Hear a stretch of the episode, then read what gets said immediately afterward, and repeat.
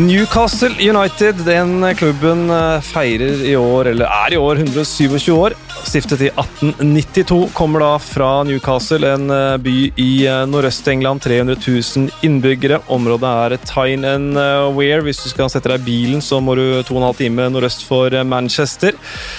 Nærmeste og argeste rival uh, er Sunderland. Den, uh, ikke noe fare for noe derbys med det aller første der. Uh, siste tittel 19 1955. Da vant eh, Newcastle en FA Cup-tittel. Siste ligatittel av de fire var i 1927. Det har vært noen fantastiske årganger av Newcastle, spesielt på 90-tallet, men eh, akkurat for tida så er det ikke veldig lystig kanskje å være Newcastle-supporter. Audun Lysbakken, Velkommen til oss. Du holder med Newcastle. Det gjør jeg faktisk. ja, tusen takk. Jeg må få korrigere deg bitte litt, fordi at eh, Newcastle vant et trofé i 69, nemlig Fairs-cupen, som var en slags forgjenger til Uefa-cupen. Ja. Så altså, Såpass lite pokaler som det er i det skapet der, så må vi få lov å telle med den. Ja, og, det, og Et av kriteriene for å være med i den cupen var at det var en messe i byen. Ja. Så, det er riktig. Så, ja, det, det, er et trofé, men, eh, men eh, av de store trofeene da, for å, for å redde mitt eget skinn. Men jeg er helt enig enig med deg, Audun. Helge Kalleklev, fotballskrimmet til TV 2. Du er uh, si co-host i dag. Ja. ja. Prøver å bistå litt på det som er å øke den bergenske andelen i rommet. Ja, og Den bergenske andelen i rommet den er to mot én, men i programmet i eh, dag, Erik Huseklepp, så er den tre mot én. Du er med oss fra Bergen. Ja da, vi må ha såpass eh, dominans av bergensere noen podkaster òg. Vi kan ikke bare ha østlandske uh, stemmer inn i disse podkastene, så i dag er jeg med. Det er jeg veldig glad for. og akkurat, Det er ikke alltid det er gøy å være i mindretall, men i dag så føles det veldig veldig greit. altså. Vi kan starte med deg, Audun. Du er jo hedersgjesten vår, leder for SV. og Er det mye fotballsnakk på Stortinget? Ja, det er det. Eh, I hvert fall blant en del eh, som er, er veldig interessert. Så skal jo sies at det går kanskje aller mest i norsk fotball og sånn eh, eh hyggelig mobbing av representantene fra det fylket som Brann har slått, f.eks. Det skjer kanskje ikke så ofte, men det hender. Eh, og den type ting. Men det er selvfølgelig der som overalt all, ellers i Norge mange med nært forhold til ulike engelske klubber. det er det jo. Mm. Er det noe Tyne Weir Derbys på Stortinget? Er det noe som holder med Sunderland? Jeg vet ikke om noen. Kunne, kunne ha blitt uh... Skjønt at uh, Jonas Gahr Støre holder med Leeds. Så det, det stemmer. Og... Det stemmer. Så nå er det jo det er jo en del sånn lykkelige Leeds-supportere rundt om nå. Jeg kjenner jo flere som uh, De har jo ventet lenge. Så det, altså, det, det, er klart at lidelse kommer i ulike, ulike varianter. Vi som holder med Newcastle, syns jo vi har lidd mye, men det er klart at uh, Leeds-supporterne de, de, tar vel kaken. Mm. Vi, skal, vi, skal, ta litt om Eller ikke bare litt, men vi skal ta mye om situasjonen i Newcastle uh, per i dag, men vi starter med å skru tida litt tilbake. Audun, for uh, hvordan, hvordan blei du Newcastle-supporter?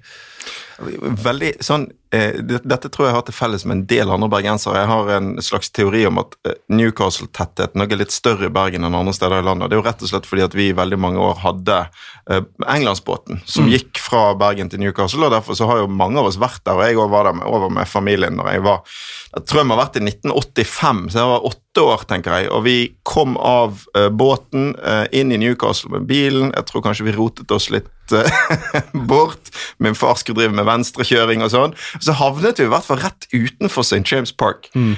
og det kom mye folk ut og sånn. Og, og det var liksom det. Og så, så, begynte jeg å følge med på resultatene. og det er sånn, sånn som det skjer. Det, og det der, Jeg kjenner ganske mange som er fra Bergen, holder med Newcastle, og da jo har fått litt sånn krevende greien i livet å holde med både Brann og Newcastle, som har gitt oss mye lidelse og ja, få pokaler. Det har jo, og Vi måtte jo ha vært uh, Newcastle-fan siden 1985, så ja, det er mørkt nå. Men det har vært, det har vært mørkere. Det har vært mørkere. I relativt nylig, nylig ja, ja, historie. Ja, ja. Altså, når jeg gikk på, eh, jeg gikk på ungdomsskolen og var veldig opptatt av fotball. Sant? Alle jeg gikk på Møhlenpris skole i Bergen, og kompisene mine holdt med ja, de holdt jo med Manchester United og Liverpool, sant? sånn som alle gjør. Eh, og på det tidspunktet så var jo da altså, så var jo Newcastle flere sesonger nede i gamle andredivisjon, da, eh, altså championship nå. Rykket ned i 89 eh, etter at jeg hadde solgt Paul Gascoigne til Tottenham. og Så rykket ned i 89. Holdt på å rykke opp igjen i 90 tapte for Sunderland og alle i playoffen det året. Som det bare det ultimate liksom, ydmykende lag. Eh, og eh, så gikk det bare utforbakke. Eh, hadde han her Osvaldo Ardiles, som noen vil, eh, vil eh, Herlig naiv eh, fyr som sendte fem mann i angrep og ingen i forsvar. Og innen da eh, 91-92-sesongen midtveis i den, så var Newcastle sist på tabellen i gamle andrevisjon. Dette er jo en klubb som aldri har vært på nivå tre i engelsk fotball, men var utrolig nær den våren. Og da satt jeg, da var jeg liksom på det nivået. Jeg, jeg satt med, eh, med, BBC World Service hver lørdag. For det var det man gjorde den gangen. På BBC World Service hver lørdag klokken fire. Prøvde liksom på sånn skurret linje å få ut noen nyheter om hvordan det her gikk. Mm. Eh, det var vanvittig spennende. Mm. Så kom uh, Kevin Keegan inn, Messias. Uh, var vel, uh, apropos eiere, vi skal, skal, innom det, men det var vel sir John Hall og Freddy Shepherd som tok over klubben rundt, rundt de tider. Fikk inn Keegan, fikk løfta dem opp, og i 96 så var det jo denne berømte sesongen hvor man ledet med tolv poeng i januar, men klarte å skusle det bort. Ja, og det var jo, sant? Dette var jo en, en helt sånn fantastisk Man har vært gjennom alle de her elendige årene. Dette var òg en veldig tung tid for Newcastle som by, dette gamle industriområdet i Nordøst-England. Det er jo en del av England som liksom, folk fra London og Sør-England ser litt ned på, på nordøst. ikke sant? Og, og, en hadde mistet gruvene, mistet skipsindustrien. Alt gikk nedover. Fotballklubben gikk i dass, og så kommer Keegan, berger klubben, får de opp igjen i Premier League.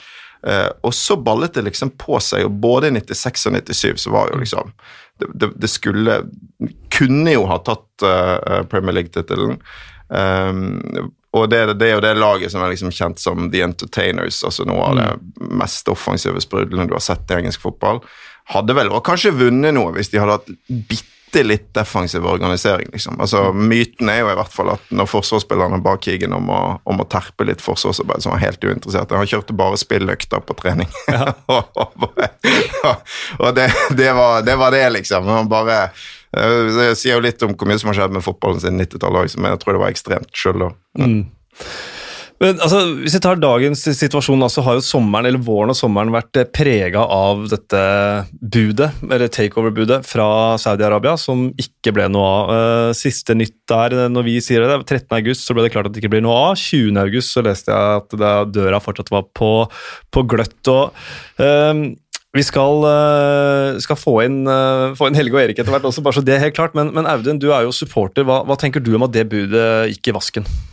Jeg, jeg har sånn blandede følelser for det. for det er klart at Jeg, jeg skjønner veldig godt at supporterne er utrolig frustrert. Eh, Newcastle har hatt eh, Mike Ashley som leder nå i ja, snart 15 år. Um, og det har vært en veldig vond periode for klubben. To nedrykk, ingen suksess. Uh, og en har jo etterlyst på en måte, de investeringene som trengs for å kunne kjempe i toppen. ikke sant? Mm. Altså, med de ressursene klubben har nå, så er det sånn 13.-plass forrige sesong. Det er egentlig godt levert det ut fra forutsetningene. sant? Det blir ikke noe mer enn det. Og det her var jo en klubb som da før Ashley sin tid satset tungt. Når Alan Shearer kom til Newcastle, så var han verdens dyreste fotballspiller. Mm. Så, så, Newcastle hadde jo muskler en stund. Så, så, det er jo det fansen vil ha tilbake. Men så må jo jeg innrømme at for meg altså, sant? Det er klart at det det var snakk om, var å bli kjøpt opp av Saudi-Arabia sitt oljefond. Sant? Dette er jo eh, altså Konkurransen om å være den kjipeste staten i verden er jo, er jo hard, selvfølgelig, men Saudi-Arabia kommer ganske langt opp. altså er land som halshogger opposisjonelle og, og undertrykker kvinner. og det, det, er helt vilt. ikke sant? Sånn at for meg, Jeg må innrømme at for meg har det vært sånn, vanskelig å juble over et lag som har bygget på blodpengene til Saudi-Arabia. Så jeg er jo lettet over det, eh, sånn sett. Uh, og, og Jonathan Lew han, eh, i The Guardian, for vi skal jo kreditere kildene våre her, og han skrev eh, i slutten av juli at um, er inne på det at det finnes jo nok av potensielle eiere der ute som ikke er grusomme regimer eller ikke er tilknyttet stater med menneskerettighetsbrudd og sånn. og uh, Kanskje en eller annen dag så kan en, disse, en annen type eier overta Newcastle. og hvis så skjer, så vil kanskje Newcastle-fansen da innse at de dukka under en ganske stor kule denne gangen her. Men, men, eh, men det får tiden vise. Så, så, er det jo også noe med bare sånn for et bilde da, på hvor lite godt likt Mike Ashley her. Kevin Keegan, som jo er en klubblegende, kaltes Messias på 90-tallet. Uh, eh, han setter jo ikke sin fot på St. James' Park. Han har sagt at han vil ikke puste den samme lufta mm. som de som eier, uh, eier klubben. Så, så, det tenker jeg er et bilde på, på, hvor upopulær Mike Ashley er, da, og de som styrer og steller. Ja, visst er det, altså Keegan er jo Han kommer jo tilbake som manager. Mm. Noen få måneder. Uh, men røk uklar med Ashley og Ashley sine folk med en gang. og det er klart at det er jo sånn, Keegan er jo Keegan er jo klubbguden, ikke sant. Det, så det, det, sier egentlig alt. Uh, og dette har jo pågått nå i årevis, sant? så det er jo en sånn der uh, uttrøtt altså Fansen har jo prøvd å få Ashley ut i mange, mange år. Han kjører jo klubben på sånn lavbluss, sant? som en sånn reklamearena for det her sportsimperiet uh, sitt. får jo ut altså plastret stadion ned med, med reklame, og får jo ut en del av det men, men satser ikke, da. Og så er det jo mange av oss som jeg er jo, så jeg er jo lei meg for at engelsk fotball har blitt så alt det om pengene, liksom. Det har jo tatt en del av det jeg syns er liksom sjarmen med den gamle engelske fotballen vekk. Men, men det er nå det som må til for å, å konkurrere. Men jeg, jeg eh, Grensen får liksom gå ved å få pengene fra, fra, fra Saudi-Arabia. Vi ville jo blitt et litt sånn nytt Manchester City, liksom, bare at Saudi-Arabia er enda verre enn Qatar. liksom. Det er verre altså Du sa jo det at du på en måte har mistet litt av den uh, nære lidenskapen til Newcastle som du hadde. Mm. Hvis det oppkjøpet hadde gått inn, tror du det hadde vært mulig å få den igjen i det hele tatt? Nei, jeg tror egentlig ikke det. det klart, altså For meg har det vært sånn uh, Det har alltid vært Brann og Newcastle i mitt liv, sant? men det, de siste årene har det blitt uh, mer og mer Brann og mindre og mindre Newcastle. og det, det har jo selvfølgelig noe med at Brann er nærmest meg, men det har òg noe med at jeg syns at liksom det er så mye av det jeg var glad i engelsk fotball, som er borte. Det gamle, liksom, alt, alt, det som var med den gamle fotballkulturen. Så Newcastle er en folkets klubb. Mm. Disse Premier League-klubbene det, det, er blitt det er blitt liksom superkapitalisme på et nivå som gjør at, at den britiske arbeiderklassen som dette egentlig handlet om, jo har ikke råd til å gå på kampene engang. Det er fullt av kinesiske turister på jeg, jeg, jeg, Det der har gjort at det, det, har blitt litt sånn Jeg føler at vi har mistet noe av det som jeg var glad i med engelsk fotball. Også. Mm. Nå er det færre kinesiske turister på tribunene enn på lenge. Så det, kan jo glede ja. deg uh, Kanskje vi kan prøve noe i neste, neste perioden her, da, og prøve å liksom tenne litt av den gnisten igjen med å presentere årets Newcastle-lag som på en måte mm. det største siden David Ginola og Rule Fox herjet på hver sin ving på 90-tallet. det hadde vært noe. Du, Erik Huseklepp, du er jo den av oss uh, uten konkurranse som selvfølgelig som har spilt fotball på høyest uh, nivå. Du har spilt i England, du har spilt i Italia. Uh, jeg har også spilt i England, men det var en, det er en helt annen historie og ikke noe spesielt spennende. Så jeg skal ikke ta det. Men hvordan, hva tenker du som, som nylig, nylig, spiller, og hva tror du med spillergruppa? Hvordan tror du de har tatt dette, dette takeover-greiene?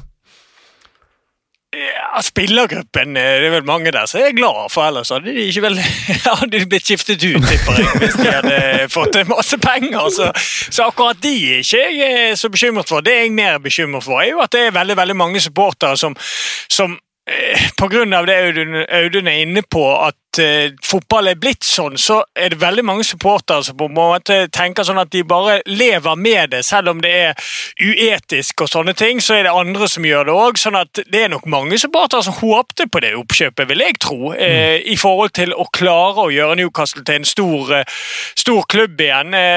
men samtidig så må det være enda bedre hvis man klarer det ved senere anledning med, med, noen eiere som ikke står for, for de tingene som de så det var aktuelt for, for nå. Sånn at eh, det, det, er en vanskelig inngang på sesongen, for man har liksom gått så lenge i uvisshet om hva som skjer. Eh, og Det ser du litt på overgangsmarkedet òg til Newcastle. Det er ikke mye aktivitet som har skjedd der foreløpig. Nå er det vel kun Jeff, Hen altså Jeff Hendrick av i hvert fall Eh, relativt store overganger da, som de har hatt. Så, så det, ja, det, er, det, er, en vanskelig inngang på sesongen, eh, men samtidig som Audun var også inne på, er at de hadde jo en god sesong i fjor, egentlig, for da var det veldig mange som var bekymret. Mm. Ja, De endte på 13.-plass. Det var bare, Om ikke det var samme plassering som eh, under Benitez, det tror jeg det var, men ett poeng dårligere. Så, så Sånn sett så var det likt, men en del av de altså, Vi skal høre fra Anders Mork Limmesand i supporterklubben etterpå og som vi kan jo avsløre allerede at han tenker at Steve Bruce er det beste de kan få akkurat nå. Men uh, det er et spørsmål uh, fra Twitter angående på en måte den managersituasjonen. Uh, Tror dere Newcastle vil slite enda mer denne sesongen? Virker som Steve Bruce levde litt på fruktene fra Benitez sist sesong. Går det an å leve på frukter? Er det liksom en korrekt begrep? Leve på fruktene? Altså, Fruktianer, er ikke det? Ja, fruktianer. Altså, jeg tenker at uh, Steve Bruce får litt for lite honnør for den jobben han har gjort. Altså, mm. Han gikk inn i den sesongen i fjor, var egentlig avskiltet både som manager og Newcastle var avskiltet som klubb, og tanken var at han kommer til å ryke tidlig, for dette kan ikke gå bra i det hele tatt. Og så gikk han til den jobben med eh, på en måte respekt for den jobben som lå foran han. Eh, fikk eh, selvfølgelig et mannskap som hadde hatt en enormt god taktisk trener i Benitez. Det kan man jo ikke legge skjul på. Men eh, at Bruce ikke skal på en måte få noe kreditt for den jobben han har gjort, det føler jeg blir helt feil. da. Selv om han har vært i andre klubber før og rykket både opp og ned. Men han er en rutinert type som vet hva som skal til i Premier League. og eh, Selvfølgelig vil jo leve farlig igjen hvis de begynner å gjøre det dårlig i starten av sesongen nå, men eh, jeg syns han gjorde en god jobb. og eh, absolutt før det begynner å gå motbakke i verden, i hvert fall fortjener uh, litt backing. da. Mm. Jeg er litt enig i det, fordi at uh, det er klart at uh, Bruce hadde jo han hadde alt mot seg. sant? For det første fordi han ikke var Benitez, og fansen ville ha Benitez, men òg med historien sin. Du kommer ikke egentlig og blir manager i Newcastle når du har vært manager i Sunderland. Sånn er det bare. sant? Men, han, men han, han, holdt jo med Newcastle som barn, mm. og så kom han tilbake. Men, men, men sånn, på toppen av det, liksom Benitez var borte, Ashley pga. Ashley Ashley-konflikten. Uh, han har vært manager for Sunderland. Og så var jo Bruce også bare, Det er jo en manager du ansetter uh, det, det, var jo ikke et signal om store ambisjoner, sånn, så alt var feil med det. De var jo en stund og snuste på topp ti-plassering, Kommer til ja. kvartfinalen i FA-cupen. Jeg mm. syns jo det var ganske imponerende, egentlig. Mm.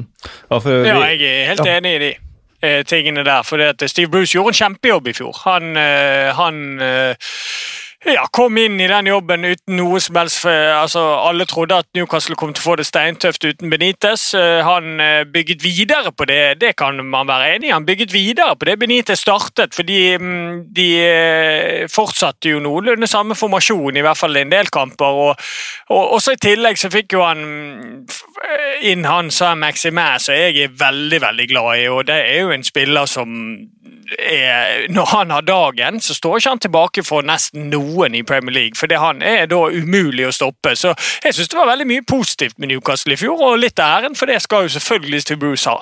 Mm. Jeg tror også det som du nevner der, at han er vokst opp som Newcastle-fan. altså Det betyr mye for han å lykkes i den klubben. Jeg husker starten av forrige sesong. De tapte de to første kampene. Lurer på om de tapte for Norwich i andre runde, eller noe sånt, og så dro de til Tottenham borte, og så vant de den kampen. altså det ja det bildet av Steve Bruce etter kampslutt, der når han liksom hadde ledet Newcastle til sin første seier i det som på papiret i hvert fall regner for en utrolig tøff bortekamp, det viste liksom hvor mye det betyr for han personlig å lykkes. Og han har jo et bakteppe med dødsfall i familien, altså en del ting i bakgrunnen der som har, som har vært eller hadde preget han i opptakten til den jobben som han sannsynligvis egentlig har drømt om å ha ganske lenge, selv om han har hatt den Sunderland-fortiden. Så det å være sjef for Newcastle og lykkes, tror jeg på et personlig plan betyr mye for Bruce. da. Mm. mm.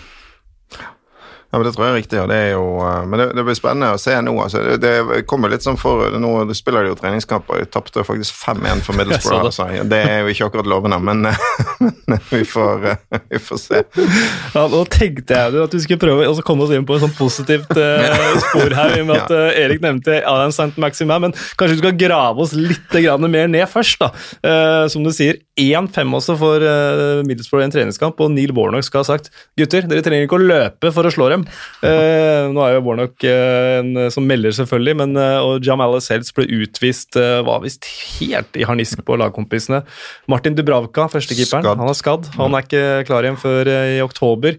Og Carl Darlow har ikke vist noen ting som tilsier at han skal kunne fylle det store rommet. For sammen med St. Maximas er vel kanskje Dubravka de to viktigste spillerne til Newcastle. og Når de har vært ganske tette bakover, så tror jeg det blir, blir tøft å klare seg uten.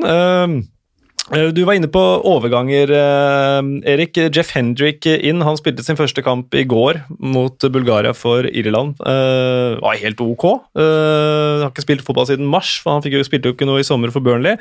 Hvem um, andre tenker du kan komme inn realistisk sett, bli henta inn til, til Newcastle, Erik?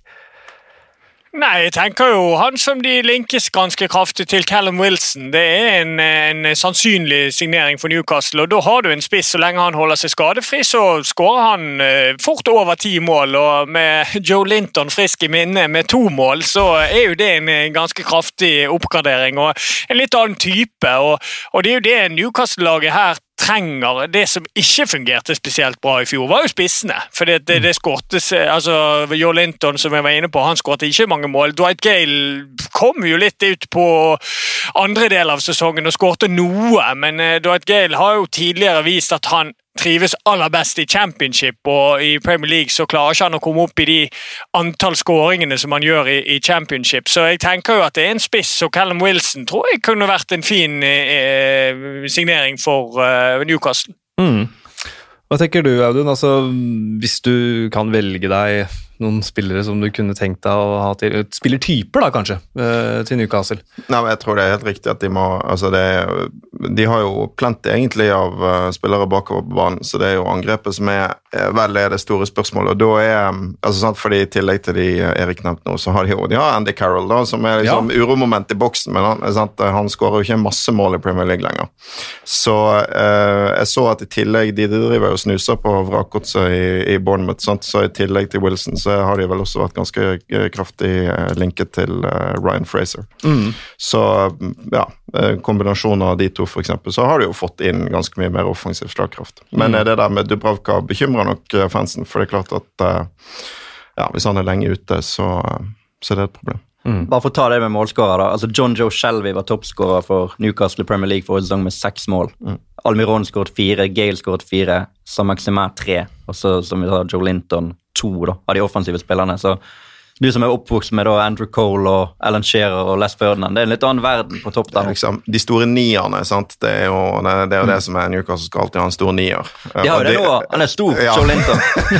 ja, dy, dyr var han òg. 40 millioner, pund! det, det ser jo litt når Shearer koster 15 og var verdens dyreste. Nei, men sant, jeg Den her tradisjonen der med liksom, de her superspissene som har vært opp igjennom, så må jeg bare innrømme at uh, det, det, er litt uh, stusslig sett i sammenheng med det. Men altså, Wilson er jo uh, veldig altså, det, mm. vil jo være, det vil jo være noe. Ja. Så um, nei, det, får håpe det går i orden. Ja, og Ryan Frazier, det er jo en drøm, våt drøm for Ashley. Det er gratis, uh, i hvert fall overgangssum, og må skal sikkert ha, ha, litt lønn. og Har jo en spiller som kanskje var linka til større klubber, men mista litt av uh, det forrige sesong, så det er absolutt potensielt for, for Newcastle.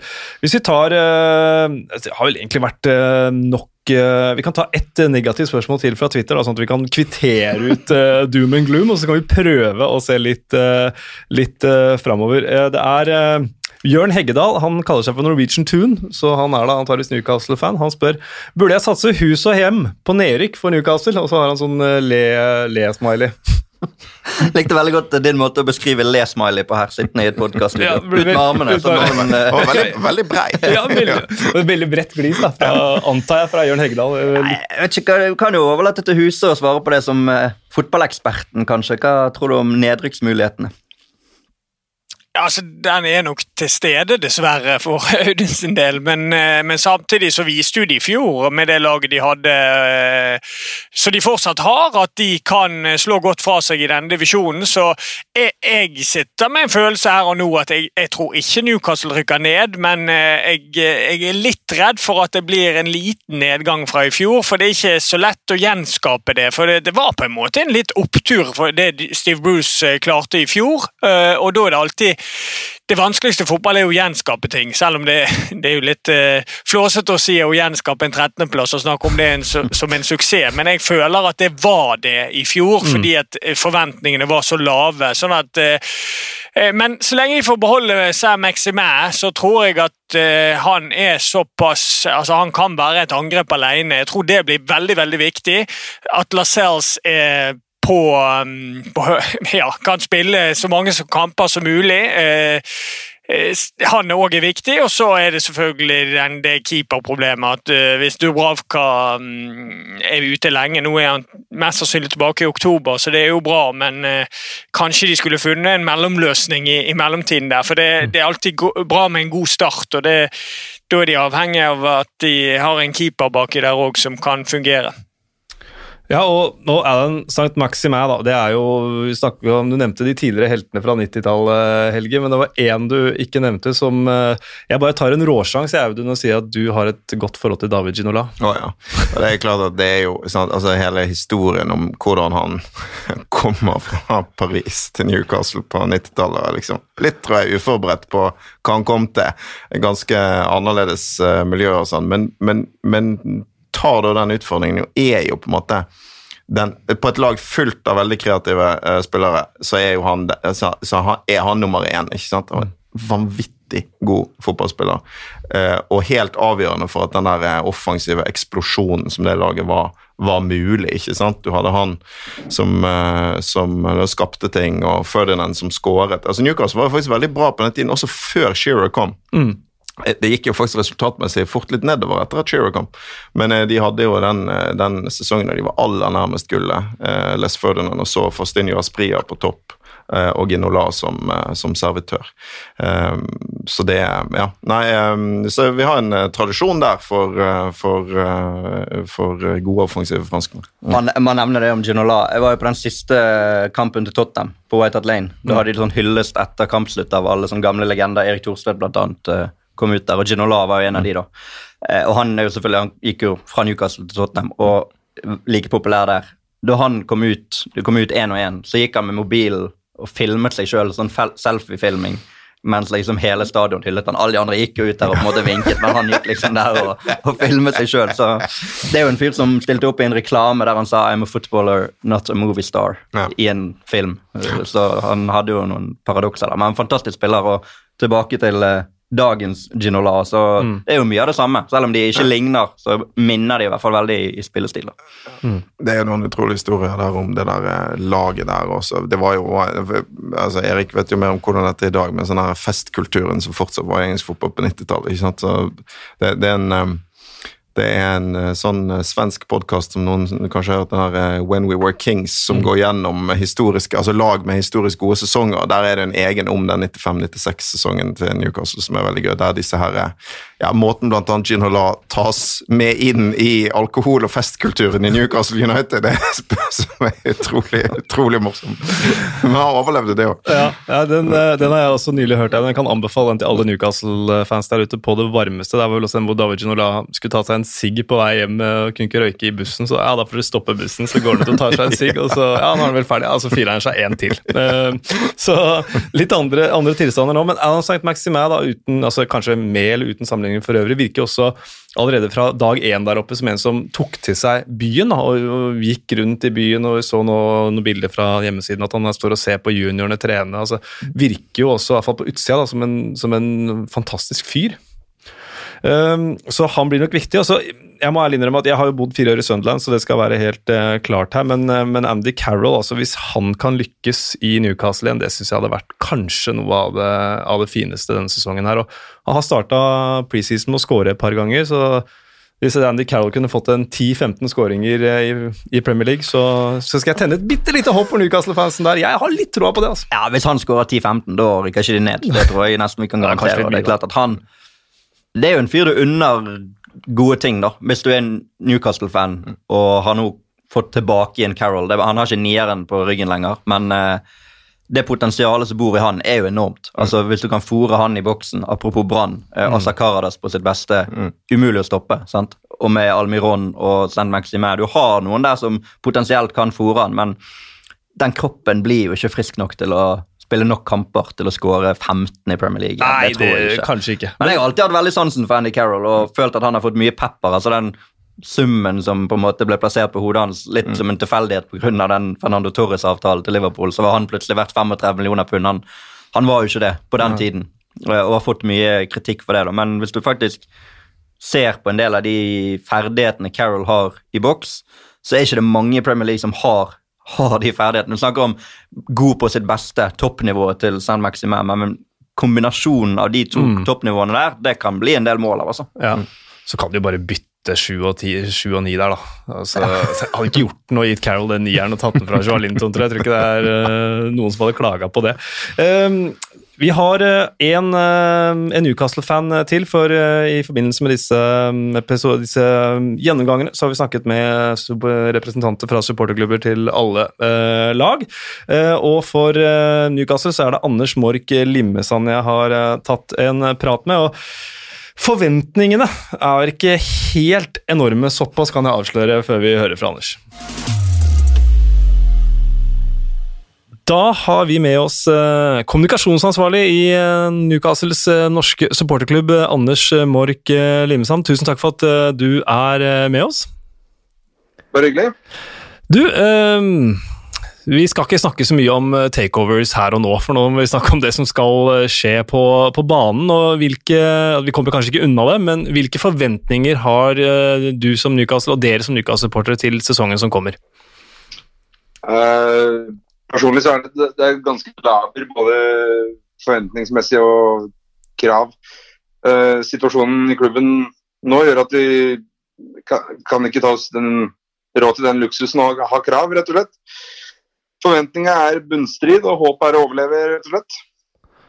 Eh, det er ingen penger til å forsterke en svak sal pga. Uh, takeover-rykter uh, og eier som er desperate etter å selge. Så klubben er litt i en limbo uh, for tida. Men er, er, Steve Bruce da rett mann til å, til å lede dere i denne limboen? Uh, det kommer helt an på hvem du spør. Uh, ja, hvis, hva, hva, mener du? Uh, personlig så, så, mener jeg kanskje. Mm. Jeg ser ikke helt hvem andre som kan komme inn og gjøre en bedre jobb. Fordi etter Benitez dro, så prøvde vi å få tak i mange. Men vi endte med Steve Bruce til slutt, og jeg tror det dessverre er det beste vi kan håpe på per nå. Mm. Eh, sesongen eh, som nylig er avslutta, for den er jo det, eh, endte jo omtrent i samme sjiktet som, som, under Benitez. Hva, hva, er den store forskjellen? Uh, litt mer flaks, kanskje. Mm. Uh, Benitez lagde et lag som var uh, Hva skal jeg si Det var litt mer kvalitet over hele fjøla. og samhold, eller kollektivet var sterkere enn det det, vært, det det, var i fjor. I fjor var vi veldig avhengig av Alanza Maxima, som, som eh, kommer litt tilbake til, som gjorde en enorm innsats. Eh, litt flaks er vel det vi har hatt under Brus, mens under Benite så kan det oppsummeres som uh, mer kalkulert. da. Mm. Um, og nå er det jo Steve Bruce som per nå er manager, og hva er din, som supporter din, din ønskede startelve for Newcastle når sesongen uh, kommer i gang? Uh, litt trist, trist, lesning akkurat nå, men per, per, per dags dato så, så, må det være Dubravka i mål. Uh, satte vi en 4-2-3-1 med Mankio på høyreback, Lascelles Fernandes på, som toppere. Uh, dømmet på venstreback. Hayden og Shelby sentralt på midten. Sam Maxima, Almiran og Longstaff bak Joe Linton på topp. Offensivt så er jo det er ikke helt mørkt der. Der er det jo mye morsomt. Ja, øh, problemet er at vi har en øh, spiss som koster, 40, koster, oss 40 millioner pund, som ikke er en spiss. Uh, han får veldig mye tyn for at han ikke skårer mål, men hvis man ser på uh, rekorden hans så langt i karrieren, så har han aldri skåret mye mål. Han er en han blir vel sammenlignet litt med Firmino, selvfølgelig ikke kvalitetsmessig, men mer spilletypen. Mm. Uh, skårer ikke enormt med mål, og vi produserer jo ikke da enormt med sjanser, så enkelt mattestykke som skaper et negativt uh, utslag for vår del. Uh, når vi snakker sammen nå, så er vel Jeff Hendrick eneste mann inn, så vidt jeg kan se. Hva vil være drømmesigneringen for Newcastle-supporterne? Uh, ja, uh, vi, vi, trenger jo i hovedsak en venstreback, og nå som Gale er skada, så trenger, trenger, vi to spisser. Så, så drømmesigneringa vil uh, Ja. På spissplass er det jo hvor det er krise, rett og slett. Uh, Michu Bachuai, Callum Wilson, Joshua King mm. hadde vært noe av det bedre vi kan håpe på. da. Mm. Høres ut som tre gode alternativer. det er hvert fall, eh, Kanskje i hvert fall de to siste der fra, fra Bournemouth. Mange klubber som er ute etter de, så, så det kunne nok passa, godt. Eh, hvis vi, skal, skal plukke ut én spiller på, i din klubb som eh, andre, andre, skal merke seg, eller vi må merke oss, hvem, hvem peker du på da? Og det er, det, det er ikke noe tvil. Det er Alan Samak Mm. Um, jeg så, så litt statistikk på det. så i fjor så spilte vi 23 kamper med Alanza Maxima, og med et poengsnitt på 1,5. Et, et og et halvt poeng per kamp. Mens uh, uten Samaxima på 15 kamper så er poengsnittet 0,5. Så øh, han, er, han, han skårer ikke så mye, han har ikke så mye assist, men, men han er et uromoment for, mange, for andre lag, så de må ta hensyn til han, og da blir det større rom for de andre. Mm. Så franskmannen er ja, rett og slett uvurderlig for vår del. Det er vanskelig å være uenig i det, Anders. Du, tusen takk for at du uh, tok deg tid. Jeg tar én ting, ting, på slutten. Uh, har Newcastle byttet eiere når uh, 2020 blir til 2021?